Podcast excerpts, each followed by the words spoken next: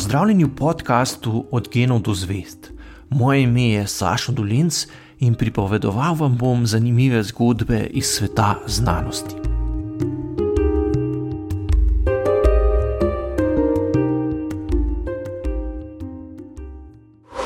Koronavirus. Podcast Vala 202. Pozdravljeni. V novi epizodi gostimo dr. Saša Dolenca, fizika, filozofa, publicista in večkrat nagrajenega urednika Kvarkadabre, spletnega portala za tolmačenje znanosti. Saša je občasni strokovni sodelavec frekvence X na valu 202, zelo aktivno in kritično pa spremlja tudi vso dogajanje povezano s koronavirusom. Zato je več kot pravi naslov za širšo razpravo z distance o tem, kje smo in kam gremo. Saša, zdravo. Zdravo. Eno leto je od prvih informacij, da se na kitajskem, da se na kitajskem dogaja nekaj nenavadnega, da virus očitno vendarle ni tako nedolžen. 11 milijonski Wuhan so poslali v karanteno. Pravih informacij v resnici takrat ni bilo. Kako se spominjaš istega obdobja z današnjim vedenjem? Kaj bi bilo, če bi bilo? Ja, določene informacije so kar hitro začele prihajati. No, tako da um, je v bistvu ukrepanje tudi kitajskih znanstvenikov bilo kar hitro in dobro.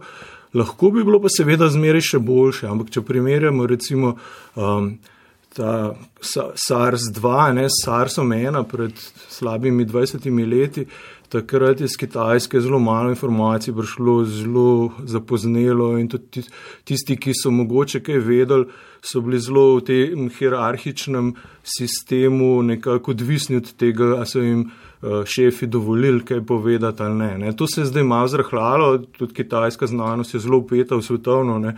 Tako da, da v bistvu ta ključna informacija, se pravi genom, novega koronavirusa je zelo hitro zakrožil po svetu in povzročil, da so se lahko um, druge po svetu znanstveniki lotili delati testov in cepiva. Ne. Je pa v sodelovanju z Svetovno zdravstveno organizacijo tudi po letu dni lahko beremo, da so še vedno nekako težave v odkritosti oziroma v zagotavljanju pogojev za neko neodvisno uh, preiskavo. Ja, lahko beremo o tem. Ne? Zdaj, Svetovna zdravstvena organizacija je morala biti nekako zelo diplomatska, da je dobila čim več informacij, vse čas iz Kitajske, uh, hkrati pa pač. Um, Nekako zadostila tudi njihovim kapricam, ne? ker če bi pač preveč ostro nastopila, verjetno bi se ta dotok informacij zaprl in bi bilo še slabše za svetovno uh, znanost in tudi pač vse druge države. Ne? Marca bo menilo tudi eno leto, odkar v Sloveniji živimo s korona realnostjo. Kako se ti uh, osebno, uh, tudi kot eh, znanstvenik, soočaš s korona krizo? Uh, ja, marsikaj se je spremenilo ne, v tem času. Jaz sem si, sicer še, že prej delal od doma, ampak zdaj nas dela več. Ne, tako, ampak uh, opažam, tudi ko se pogovarjam s kolegi, ne, da so določeni plusi in minusi teh sprememb. Ne.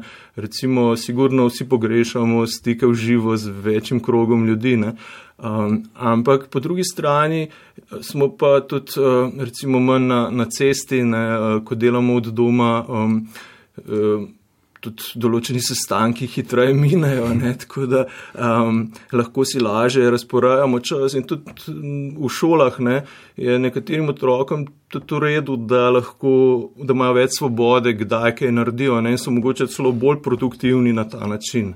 Da, um, tudi ti šolaš od doma, ne? Ja, ja, ampak so, je ščirka že tako velika, da sama vse upravi.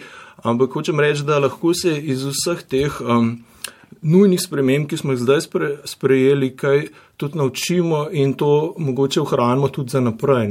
Recimo, um, verjetno za večino uh, delovnih mest ni treba, da si prisoten pet dni na teden na delovnem mestu. Ne. Lahko mogoče skoncentriraš tisto, kar moš v pisarni upraviti na dva dni, ostale tri dni pa delaš tisto, kar lahko doma. Ne. In tako mešanje um, raznih pristopov, ne, nekomu bolj ustreza, nekomu manj več nekje ali pa druge. Ne? In to je tisto, kar bi lahko ohranili tudi za uh, kasnejši čas, ko bo epidemija minila.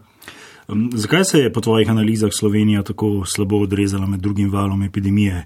Uh, zakaj so v večini držav ukrepi prijeli, uh, pri nas pa ne? Na Kvarkadabri si objavil eno zelo uh, um, podrobno analizo.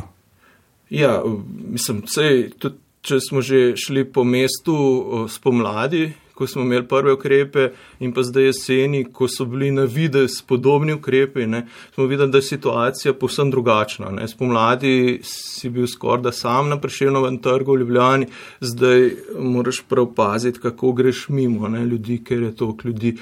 Pri mogoče na videz podobnimi, eh, pod, eh, ukrepi so pa na videz podobni. Ne. Tako da um, mislim, da v, prvi, v prvem valu je na nas zelo močno de, uh, delovalo to, da smo bili blizu Italije, da smo neposredno videli, kaj se tam dogajalo. Ne. In to je v marsikoga ulilo nek strah in je zelo resno vzel vse, kar um, smo sklenili, da bomo počeli. Ne. Ampak ta strah zmeri lahko traja nekaj časa. Ne. Države, ki so se dolgoročno dobro spopadle um, z, uh, tem, z problemom epidemije, ne, so, um, niso ukrepov osnovali na strahu, ampak na spreminjanju navad ljudi. Ne. Zato pa rabiš um, bistveno več energije, bistveno bolj usmerjeno kampanjo, moraš gledati, kaj, kako ljudje razmišljajo in se na to odzivati potem s. Um, protiargumenti ali pa da povabiš mm. mnenjske voditelje določenega kroga ljudi ne, um, in potem preko njih naslavljaš probleme. Tako da um, to je tisto, kar nam je manjkalo v drugem valu, mm. ne, da smo mislili, da, bodo, da bo isti prijem, kot je bil v prvem mm. valu, deloval tudi v drugo pa seveda ni. Ne gre verjetno samo za navade ljudi, gre tudi na zadnje za navad do uh, družbe, gospodarstva. Ne? Recimo z dr. Nino Ružič Gorenec z Inštituta za biostatistiko in medicinsko informatiko sem se pred kratkim eh, pogovarjal aktivno tudi pri COVID sledilniku. Njihova analiza je pokazala, da kljub občutku, ne, ki ga morda imamo, ne, da se je mobilnost znižala, ker smo vse skozi v resnici doma, vse tako občutek imamo, eh, ne smemo prehajati iz občine v regije. Uh, ugotavljajo pa, da se je sama mobilnost veliko manj zmanjšala, kot bi bilo pričakovati predvsem na račun še vedno velikega števila ljudi, ki ne delajo od doma. To je malce tudi posledica tega, da gospodarstvo vendarle nismo ustavili. Ne? Ja, e, seveda, ne, v bistvu stikov je v drugem valu ostalo bistveno več. Ne. Zdaj, velik del tega pride res na stike na delovnem mestu, ki se niso tako omejili, kot so se v prvem valu. Ne. Eh, zdaj, zakaj je do tega prišlo, kaj bi bilo treba narediti, to je pač neko drugo vprašanje. Ključno pa je, da to vemo ne, in mogoče bi bilo koristno, če se še kdaj kaj podobnega ponovi, da imamo neke mehanizme, kako spremljamo Eh, bolj v realnem času, kako se ljudje odzivajo na ukrepe in jih potem uh, prilagajamo temu. Ne? Ker zdaj imamo ogromno nekih zelo strogih ukrepov, ki pa mogoče niso tako smiselni, kot bi uh, bili mogoče drugi, če bi jih bolj resno vsi uh, uh, izvajali. Ne? Kakšne možnosti, ukrepi nas pa še ostanejo, tako kot praviš, eh, morda pravilna uporaba določenih ukrepov, oziroma bolj strikna? Imamo morda kot družba še kakšnega, ne vem, če se tako izrazim, jokerja v rokavu? Ja, sigurno je to cepivo. Mm. Zdaj, eh, cepivo bo sigurno spremenilo sam potek epidemije. Nimamo še vseh točno podatkov, kako bo to vplivalo, ampak eh, obeti so zelo dobri. Ne? Druga stvar, ki je pa pomembna in kjer se bi dalo še veliko več narediti, je pa neka boljša komunikacija oziroma ozaveščanje ljudi, zakaj je določa, zakaj so določeni ukrepi res potrebni um, in uh, kako je treba spremeniti vsakdanje navade, da bomo iz tega imeli vsi največ koristi. Ne? Ker, um, vem, najslabše je, uh, če se ukrepi. Čez noč spreminjajo, ali pa se mhm. neprestano spreminjajo. Ne? Zato, ker uh, ko, ko hočeš spremeniti nekaj v družbi, uh, moraš eh, pristopati tako, kot da spremenjaš neke usidrane navade, ne, ne pa zgolj nekaj, kar uh, racionalno spremeš v nekem trenutku. Ne. In um, tukaj je treba delati na tem, da se bo recimo pač. Uh, da bo postalo nekaj samoumevno uh, za, za ljudi, da bodo pač nosili maske v zaprtih prostorih, pa ne glede na uh, uh, okoliščine. Um, ampak to, to moraš pač um, res sistematično pristopati in naslavljati vse možne pomisleke, ki jih imajo ljudje glede tega. Veliko je bilo v zadnjih tednih razprav o PCR in predvsem hitrih eh, testih. Zaupanje vanje pri nekaterih ni ravno visoko. Ti si se že testiral? Uh, ne, nisem se še. Kakšne so sicer tvoje ugotovitve ob spremljanju uh, vsega tega procesa uvoza, uvoza in pa tudi uh, praktične implementacije testiranja, ne, ki je vendarle se kar lepo razširilo? Uh, Ja, z hitrimi testi je bilo predvsem v medijih povezanih kar um, nekaj um, problemov, ker so um, nekateri mediji prehitro um, delali prehitre in napačne zaključke iz poročila, ki ga je pripravil eh, inštitut za mm, zdravila, mislim, da, eh, ki je bilo sicer zelo dobro izvedeno in tudi kdorkoli ga je to poročilo prebral, je bilo vse zelo jasno pojasneno. Ne. In tudi direktorice tega inštituta potem v, v delu uporablja zelo nazorno uh, metaforo o ribah, je, ne, in o, o ribah ja, in mrežah. Tako da uh, zdaj mislim, da je čist jasno, zakaj so uh, hitri testi dobri in kako jih je smiselno uporabljati. In, uh, mislim, da zares ni bilo storjenih uh, veliko napak. Um, tudi mislim, da so testi povsem solidni oziroma primerljivi uh, z drugimi testi, um, ki so na tržišču. Tako da um, je samo smiselna uporaba ključna. Um, kaj pa prekuženost? Uh, pred dnevi sem v delu bral prispevek dr. Lojza Ihana, um, kjer analizira primer enega izmed brazilskih uh, mest. Uh, pri tem gotavlja, da je prekuženost v resnici zgrešena ideja za reševanje epidemije in da bi se v primeru Slovenije absolutno tragično končala. Ja, o, v tem članku on ugotavlja, da v Sloveniji približno četrtina ljudi že prekuženih, če tako rečemo. Um, v tistem brazilskem mestu jih je pa 75% um, mhm. že prekuženih in tam ugotavljajo, da to še ni ustavilo epidemije. Ne. Tako da, um, če bi podobno pri nas, kot nekateri predlagajo, ne pustili epidemijo, da gre svojo pot kot pri gripi, bi imeli um, zelo veliko um, žrtev. Um, pri, po nekaterih raziskavah bi v več sto, uh, več sto umrlih imeli na dan, ne, tudi do 750 sem, sem slišal. Um, da, da bi lahko prišli, ne, prav zaradi strukture prebivalstva, ki, ki jo imamo v Sloveniji. Ne. Tako da um, mislim, da uh, ta pristop nikakor ni sprejemljiv za neko družbo, ki želi večini državljanov najboljše. Ne.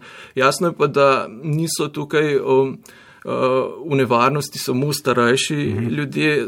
Zadnje čase slišimo zelo veliko zgodb o ljudeh, ki so zelo na hitro preboleli COVID, pa imajo potem čez mesec ali pa dva še hude težave. Um, tako da um, najprej smo te zgodbe poslušali iz Amerike, zdaj, zdaj jih poslušamo iz naših krajev, zato ker je. Um, Ta krok ljudi, ki so šli um, čez bolezen, že tako velik. Ne.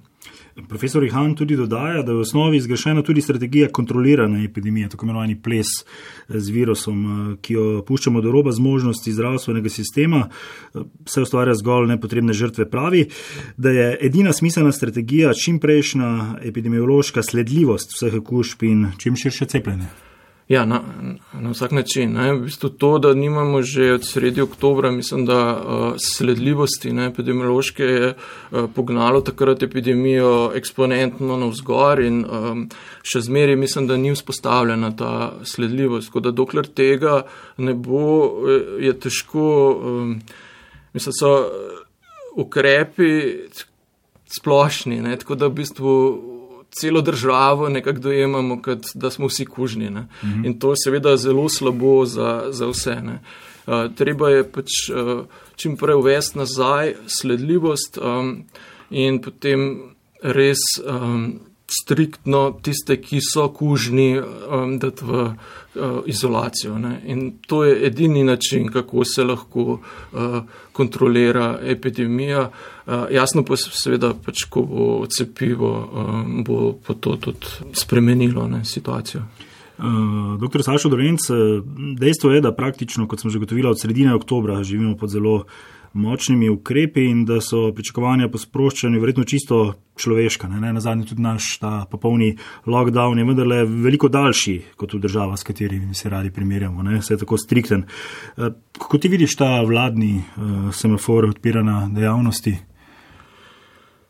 V resnici se nisem nikoli poglabljal, ker se mi zdi, da se, se stvari zelo hitro spreminjajo. Um, tako da poskušam gledati malo širše, um, primerjati, kako druge države um, se spopadajo eh, z epidemijo in tukaj je pač dokaj jasno, kaj deluje na globalni ravni. Ne. To se pravi, to, kar so pač v azijskih državah, so že, ki so imele že izkušnje s prvim SARS-om, ne, ki so takoj pristopile drugače kot evropske mm. epidemiološke službe, ki so bolj štartale, um, so bile navajene na gripo in podobne bolezni in so štartale na ta način. Ne. Tam v Aziji so bili pač že navajeni na te hujše bolezni so startali drugače. Ne. Tam je bil vse skozi cilj uh, eliminacija virusa. Uh mhm. -huh. To se pravi, da uničiš vse in šele potem uh, lahko zares normalno zaživiš. Ne. In to je recimo uspelo kar nekaj državam. Ne. Tudi pač Nova Zelandija je tak tipičen primer. Je res na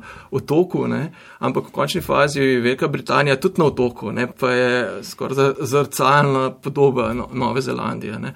Tako da um, da se marsikaj naredi, če se uh, pravilno pristopa. In tudi mi smo pokazali, da, da spomladi, ne, da smo zelo strogo zaporo, ki smo jo vsi nekako res spoštovali, dosegli skoraj eliminacijo virusa pri nas. Ne. Ampak potem smo že v začetku poletja, ko smo začeli odpirati državo, uh, nosili noter virus. Ne. In pri eksponencialni rasti je tako, da virus se začne širiti med uh, ljudmi, ampak tega ne opazimo. Ne? Potem v nekem trenutku pa izbruhne. Uh mhm. -huh. e, in to, to je pač šolsko se je zgodilo pri nas. Uh mhm. -huh. In kar nekako nismo mogli verjeti tudi tem napovedim uh, modelov, uh, ker veliko skepse je bilo. Ne? Ja, seveda, vsak si želi, da bi bilo drugače. Ne, mm. kot, um, nekako v nas. Ne? Ja, ja, tako pač eh, smo mislili, da zdaj smo pa to premagali. Mm. Um, ne, vemo, da pač ni dovolj, da ti eliminiraš virus, potem moraš tudi preprečiti, da bi, če, če je v okolici še virus, da bi ga ljudje vnašali. To se pravi, moraš imeti neke zelo striktne kontrole na majah, eh, obvezno karanteno, testiranje. Ne, in to počnejo države, ki, ki so eliminirale virus, ki imajo zdaj normalno življenje življenja.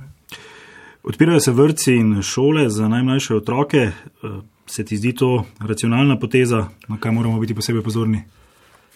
Ja, tukaj pač eh, seveda eh, povsem razumljivo na eni strani, da, da so otroci tok časa doma za marsikatere starše in otroke stresno in uh, mogoče v določenih primerih tudi povsem nevzdržno. Ne. Tako da um, jasno je treba tukaj nekaj spremeniti. Ne, tako res ostro zaporo um, imaš sploh za mlajše otroke lahko nekaj tednov, ne, ne pa nekaj mesecev. Tako da um, tukaj bi bilo po moje dobro, da se uh, uvede tudi neke umestne um, režime. Ne, recimo, da tisti otroci, ki nimajo doma možnosti enako dobro spremljati pouka kot recimo drugi, um, da imajo možnost priti v šolo in tam na, na nek varni način spremljati pouk, ki ga učitelji izvajo nadaljavo. Um, ni treba, da imamo samo dve možnosti, ne odprto, zaprto, mhm. ampak je vmes tudi uh, veliko uh, scenarijev, ki bi jih lahko uvedli. Recimo, Nemčiji imajo mislim, da obvezno zračenje vsakih 20 minut ne, uh, prostorov um, in podobne pristope, ki, ki bistveno um, zmanjšajo uh, možnost prenosa virusa. Ne. Pri nas bomo testirali učitelje, kar je sicer super, ne, um, ampak še zmeri pač je. Mogoče dobro, da se razmišlja, ko se bo tudi uh, više razrede uh, poskušalo uh, pripeljati nazaj v šolo, ne, da se razmiš, razmišlja tudi o mogoče drugih strategijah, kakšnih novih idejah, ki so se druge že izkaza, izkazale kot dobre. Ne. Kaj tebe poleg zdravstvenih vidikov najbolj skrbi pri tej skoraj da že enoletni krizi? Omenila smo zdaj šolo, psihološki vpliv na otroke, potem seveda tudi socialno-ekonomska kriza, utrujenost družbe, Ja, sigurno, sigurno imamo veliko problemov, ne, ki, um, ki se jih zdaj mogoče že malo mal bolj zavedamo in jih tudi začnemo naslavljati. Um, in, um, sem, da kot družba moram, moramo paziti, da, da nismo fokusirani zgolj na um, uh, en sam problem, ne, ampak da gledamo um, malo širše. Uh, Jasno pa to ne pomeni spet, da, da zanemarimo um, uh, tisto, kar je res pomembno. Ne? Epidemija je še tukaj, virus v Sloveniji. Slovenija je ena od svetovno najbolj uh, uh, okuženih držav na nek način, ne? če, če tako, tako rečemo. Uh, in tukaj ne smemo zanemariti uh, nevarnosti tega virusa, ampak hkrati pa treba uh, se truditi, da ostala družba tudi čim bolj, bolj deluje in da se naslavlja tisti problemi, ki jih zaznamo. Kot smo rekli prej, če, če ima določeni otroci hude probleme doma. Je treba to rešiti, ampak ne tako, da vse otroke pripeljemo v šolo, ampak da mogoče samo tiste, ki imajo probleme. Ne. Sašo, si pionir nekoliko drugačnega, sodobnejšega komuniciranja znanosti, bil si proglašen tudi za komunikatorja znanosti 2019. Eh, kako ocenjuješ komuniciranje okrog koronavirusa v Sloveniji? Pa morda uh, začnimo najprej pri znanosti, inštitutih, znanstvenih avtoritetah. Ja, opazili smo kar nekaj zelo. Um, dobrega komuniciranja, ne, pa tudi um, kar nekaj tacga, ki ga bo še, da ne bi bilo. Ne. Tako da um, pri inštitucijah pogrešam nek bolj strateški razmislek, da bi se različne panoge skupaj vzele in um, naredile res nekaj koristnega, nekaj uporabnega za, za državljane. Ne. V končni fazi um, je bilo pač Agencija za znanost razdelila kar veliko milijonov uh, evrov prav za raziskave, ki so namenjene uh, raziskovanju COVID-a in iskanju nekih uh, uporabnih uh, uh, rešitev. Mm. Uh, Zaenkrat nismo kaj še veliko slišali, uh, kaj, kaj so te znanstveniki naredili. Ne. Tako da um, mislim, da bi bilo, po drugi strani imamo pa sledilnik, ne, ki združuje pa ne samo znanstvenike, ampak uh, v bistvu trdno jedro, sploh da niso znanstveniki, ampak ljudje, ki jih to zanima in ki so se med sebojno povezali. Um, Naredili nekaj res v svetovnem merilu uh, zelo dobrega. Ne. In ni samo, uh, pri sledilniku ni pomembna samo spletna stran, ampak tudi to, to um, komuniciranje med temi ljudmi, ki se skupnost, skupnost ja, ki se uh, medsebojno um, uh, izmenjujejo argumente in potem skupaj tudi uh, zdaj vedno več producirajo raznih sporočil in pojasnil. Ne. In to je nekaj, kar bi lahko proizvedla tudi znanstvena skupnost, če, če bi pravilno pristopila na začetku. Um, je pa šlo mogoče v sami znanstveni skupnosti zelo zato, da so poskušali ustvariti vtis, kaj vse počnejo. Manj jim je bilo pa pomembno, kakšen dejanski vpliv bo imelo to na um, ljudi. Ne? Uh, pri sledilniku je pa ravno obratno, ne? ključen je učink, ne pa, um, ne pa vides. Ne? Mhm. Kaj pa vloga medijev? Ja, mediji so, mislim, da um, zelo dobro pojasnjevali, um, če, če splošno gledamo ne, um, uh, celotno dogajanje, seveda je bilo storjenih kar nekaj napak. Ne, um, in um, mislim, da zdaj pri cepljenju lahko vidimo, kako pomembno je, kakšen je ta skupni glas medijev. Ne, to se pravi, da določenih, določenih mnen sploh nimamo v tem. Um, pulu, ki pride v množične medije. Ne. In to, to je pomembno. Sveda je treba um, nasloviti vsa vprašanja, ki jih imajo ljudje. Na, na voljo mora biti uh, vsa pojasnila. Um, ampak hkrati pa treba paziti, da se uh, razni miti in neresnice ne širijo uh, tudi preko množičnih medijev, ker uh, včasih delujejo tudi tako nekako um, v podzavesti, da se jih sploh ne vemo. To so ponad neke take zelo lepljive zgodbe ne, za naše mm. možgane. Ki, ki se zelo hitro širijo. Ne. Recimo, tipičen primer je bil, ko smo imeli prvo žensko, ki je umrla po cepljenju. Ne. Tisto je v trenutku, kot požar se je razširilo po, po vseh medijih. Ne. V isti dan je pa umrlo 40 eh, ljudi zaradi posledic COVID-a, kar pa sploh ni, ni šlo uh, nikjer uh, v eter. Ne. In tukaj vidimo, da je nekaj kar zelo pritegne našo pozornost. In tisto je treba, s tistimi informacijami treba zelo rokovicami operirati, zato ker, ko vidim tudi, ko me pač sprašujejo ljudje, a se ti boš cepil, kaj, kaj jih mori. Ne? In vidim, da v bistvu rabijo neko potrditev od zunaj, da tisto njihovo razmišljanje je pravo. Ne? In to, to mislim, da morajo mediji, da, da, da dajo to potrditev, um, da tisti njihov mm. indic pravi in jih ne uh, usmerjati v to, da, da še bolj dvomijo mm -hmm. na podlagi napačnih idej. Ne? Mm -hmm. Ker ne smemo se slepiti, ne? da teoretiki zarote ali pa skeptiki niso uh, med nami. Ne? Tudi, na nje gledamo zviška, jih morda celo zasmehujemo, zagotovo uh, ni prav. Kako torej nagovarjati te skupine ljudi, s katerimi je na podlagi znanstvenih dejstev težko se pogovarjati? Uh, kako najti morda te neke ključne ljudi, pomembne druge v teh skupnostih? V bistvu, če, če nekaj država strateško pristopi k nagovarjanju ljudi, recimo, da se bodo cepili. Ne. Se zdaj, kot slišimo, pri nas ni več to tako velik problem. Um, Raziskava ra zadnja kaže kar, kar pozitivno odnos za mm, cepljenje oziroma mm. izboljšanje. Ja, seveda, ko ljudje vidijo, kaj se dogaja druge po svetu, ne, um, seveda tudi sami spremenijo um, mogoče prejšnje, jih prejšnji, prejšnje bojazni ne, niso več tako močne. Ne. Izrael je takšen eh, šolski primer, ne, ker so imeli tudi veliko odklona do cepljenja. Ja, Izrael ima zdaj, mislim, da že največjo precepljenost ljudi um, na celotnem svetu. Ne, in, um, Da so imeli podobno na začetku, več kot polovica ljudi je rekla, da se ne bo cepila. Ne.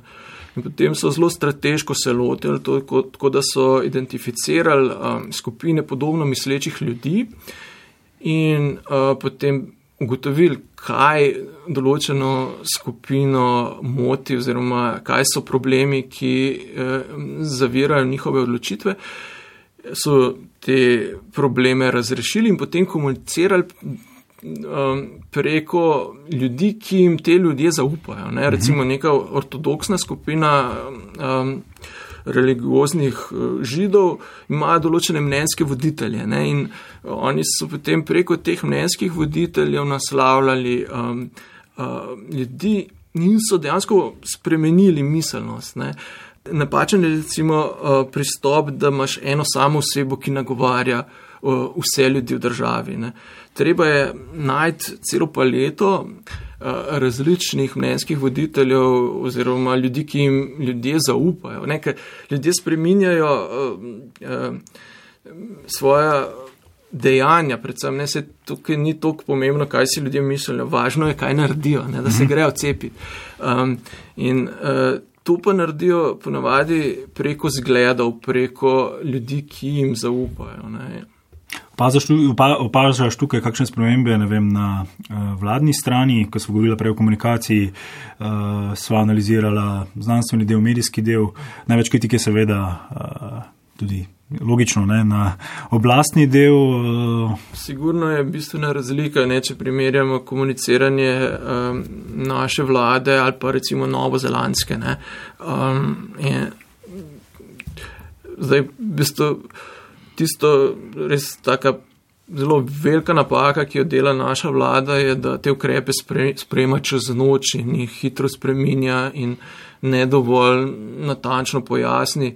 Um, to je zelo slabo, če, če dejansko želi, da se ukrepi spoštujejo. Ne. Treba je postaviti neko jasno strategijo. Ne. To, to imajo te um, azijske države, imajo jasno strategijo, kaj želijo. Mi tega nikoli nismo saj jasno izrekli. Kaj je naš cilj? Kaj želimo? Želimo eliminirati virus uh, v Sloveniji, želimo samo zmanjšati, uh, koliko je hkrati ljudi na urgenci, ali želimo, um, ne vem, po, počakati, da bo dovolj cepiva za, vs, za vse z nekimi ukrepi. Ne? Kaj je naš cilj? Eh, tega nisem zasledil in to je zelo pomembno, da mhm. ljudje dojamejo nek smotr ukrepov, da vejo, zakaj nekaj delajo. Ker zdaj marsikdaj se, se, se ljudje sprašujejo, pa zakaj smo zdaj ujeti v občine. Ne? Ok, vse nekje po svetu imajo pač lahko samo 100 metrov okrog svojega prebivališča grejo. Ampak to je neko manj čas, ko rečejo, zdaj bomo naredili zaporo za to, da eliminiramo virus, a, ki, ga, ki kroži in ki ga nismo zaznali. Ne? Ljudje so lahko kužni, pa z tega sploh ne vajo. In na ta način, če jih v majhne skupine izoliraš, potem to lahko uh, nekako uh, ukrotiš. Ne? Torej, jasni cilji z dobro skomunicirano potjo. Ja, seveda, potem, če vidiš ti smisel v ukrepih, jih potem lažje, oziroma jih boš spoštoval. Če pa vidiš samo, ok, lahko bom pa plačal kazen, če me dobijo. Um, in je to edini smisel, zakaj spoštuješ neke ukrepe, pa pol, um, nikoli nima, nimaš dovolj nadzornikov, da bi to spoštovali. Ne? In to je sama predsednica novozelandske vlade sama rekla, da so takoj ugotovili, da pri njih, ko so ljudje tako razpršeni, po, po teritoriju, nikakor ne bi mogli uh, nasilo um, usiliti uh, ukrepe. Ne. Zato so se lota zelo, zelo sistematičnega izobraževanja in um, spreminjanja navad ljudi in jim je uspelo. Če se še vrnemo k cepljenju, tukaj je cilj, mislim, da zelo jasen. Uh, gre verjetno za vprašanje zaupanja v kakovost cepiva, v morebitne stranske učinke, uh, odklonilnost do cepljenja. Kako kot znanstvenik uh, ti gledaš na ta razvoj cepiva. Uh, zakaj mu zaupaš? Ja, sploh to, da imamo cepivo v tako kratkem času, to je nek fenomenalen dosežek znanosti. Ne? In to je bilo možno samo zato, ker je bila ta nova tehnologija proizvodne cepiv v bistvu že razvita. Um, in to, to, to je nekaj, kar je čakalo, kar so imeli že. Um, Cepiva so imeli na pod podobni tehnologiji že na ena za nekatere druge bolezni, uh, samo niso prišla v to fazo, da bi jih res začeli množično izdelovati in potem preizkušati to v, v kliničnem testiranju. Mm. Nekaj tu za klinično testiranje ti rabiš um, zelo veliko denarja, zato ker moraš ljudi plačati, ne, da um, sodelujejo, pa še uh, proizvajati moraš po. po po, eh, ne laboratorijsko, ampak po vseh teh farmacevskih um, načelih, ne, tisto učinkovino, ki jo potem uporabljaš v kliničnih študijah. Tako da um, to je nekaj, kar zahteva veliko ložek. In tukaj smo imeli potem, čim je bil že sredi januarja ta genom novega koronavirusa prebran, so ljudje, ki so poznali to tehnologijo, lahko takoj to informacijo unesli v svoje, um, uh, svoje te procese, ki so bili že izdelani in so takoj začeli proizvajati cepivo. Ne. In da cepiv, to cepivo deluje, um, mislim, da je. Vsaj 15 let, če ne več, uh, trajalo, da so razrešili kup enih težav, ki so bili, uh mhm. -huh. ki so bili povezani s to tehnologijo. To, to, to se ni nihče v januarju um, zmislu pa rekel, a zdaj bom pa to tehnologijo uporabil, pa bom uh, naredil cepivo. Ne, tukaj je bilo kup že težav razrešenih prejšnja leta. Uh, in se je nekako pokrilo, da so lahko to potem uporabili v, v tem trenutku, in tako je začel teste na, naprej na živalih, potem pa na ljudeh.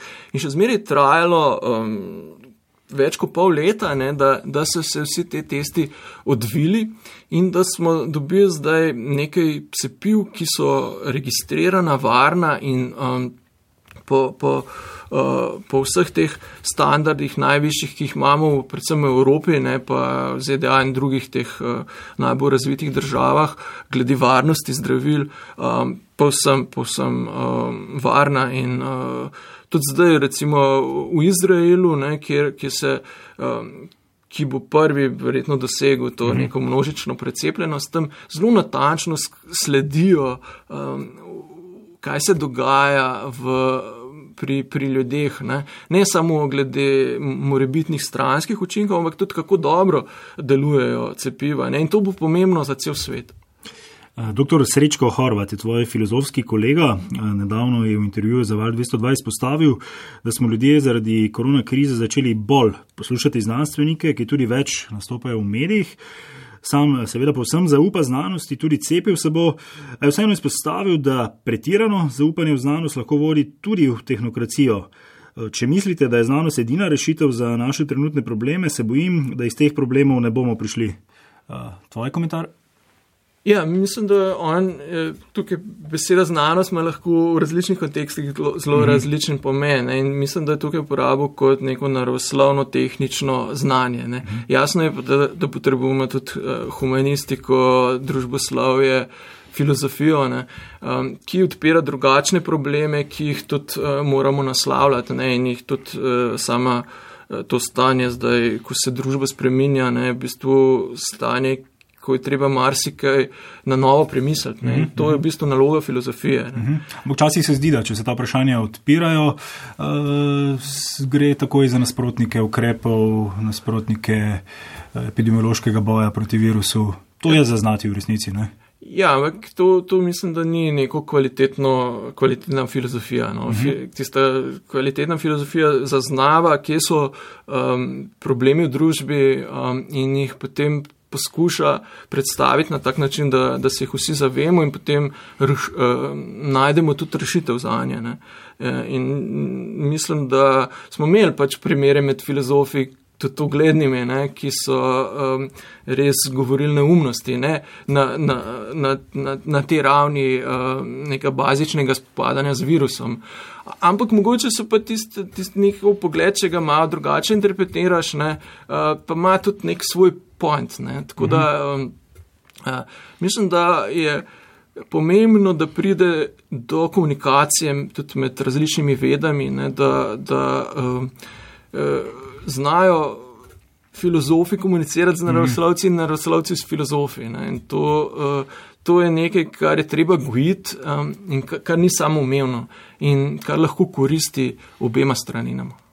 Eh, ko smo se v minulih dneh pripravljali na pogovor, si omenil tudi, da smo ljudje zelo slabi v resnici pri intuitivnem vrednotenju verjetnosti. Eh, pri koroni pa vemo, je veliko zadev povezanih z verjetnostjo, kdo bo zbolel, kdo je prenašalec, kdo je rizičen, Ja, človeški možgani so zelo slabi v vrednotenju nekih podatkov, ki so, recimo, da je takšna pa takšna verjetnost, da boš v neki starostni skupini zbolel. Zdaj, naši možgani to zmeri potem poenostavijo, to, to je nevarno ali pa ni. Ne? Uh mhm. -huh. In to, to je tisti problem, ki je nekako uh, zelo povezan s celo to epidemijo. Zato, ker imamo recimo. Uh, značilnost epidemije je, da vsi, niso vsi enako kužni. Uh. -huh. Imamo te dogodke, ko so določeni ljudje uh, zelo kužni in lahko okužijo veliko skupino ljudi, večina jih pa mogoče sploh nikoga ne okuži. Ne. Kako zdaj to uh, nekako dojeti, ne, kako to ponatraniti? Ali pa da, da je v določeni skupini ljudi mala verjetnost, da bodo, recimo, predvsem med mlajšimi, da bodo imeli hujši potek COVID-a, lahko imajo pa potem mesece kasneje neka mala podskupina teh ljudi hude težave. Ne? Kako se zdaj spopadati s tem?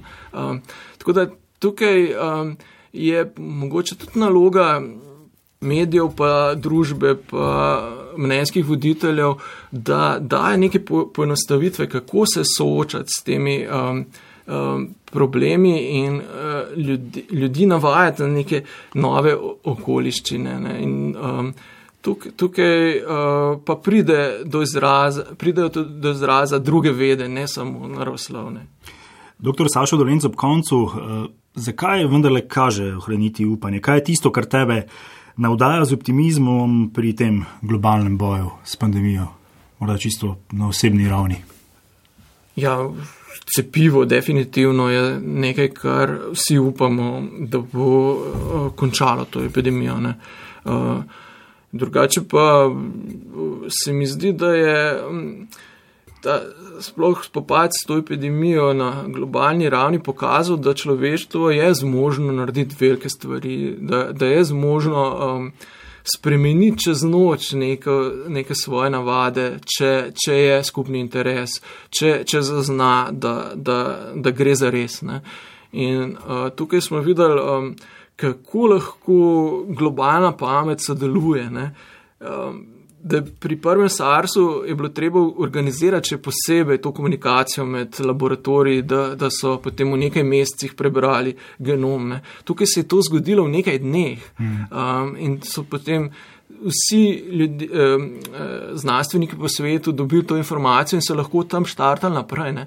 Tako da uh, kle imamo neke mehanizme, ki, ki nam omogočajo, da uh, uh, delamo dobro, ne, skupno, v skupno dobro, globalno in eh, lahko se od tega tudi kaj, kaj naučimo za časa, za časa po, po epidemiji.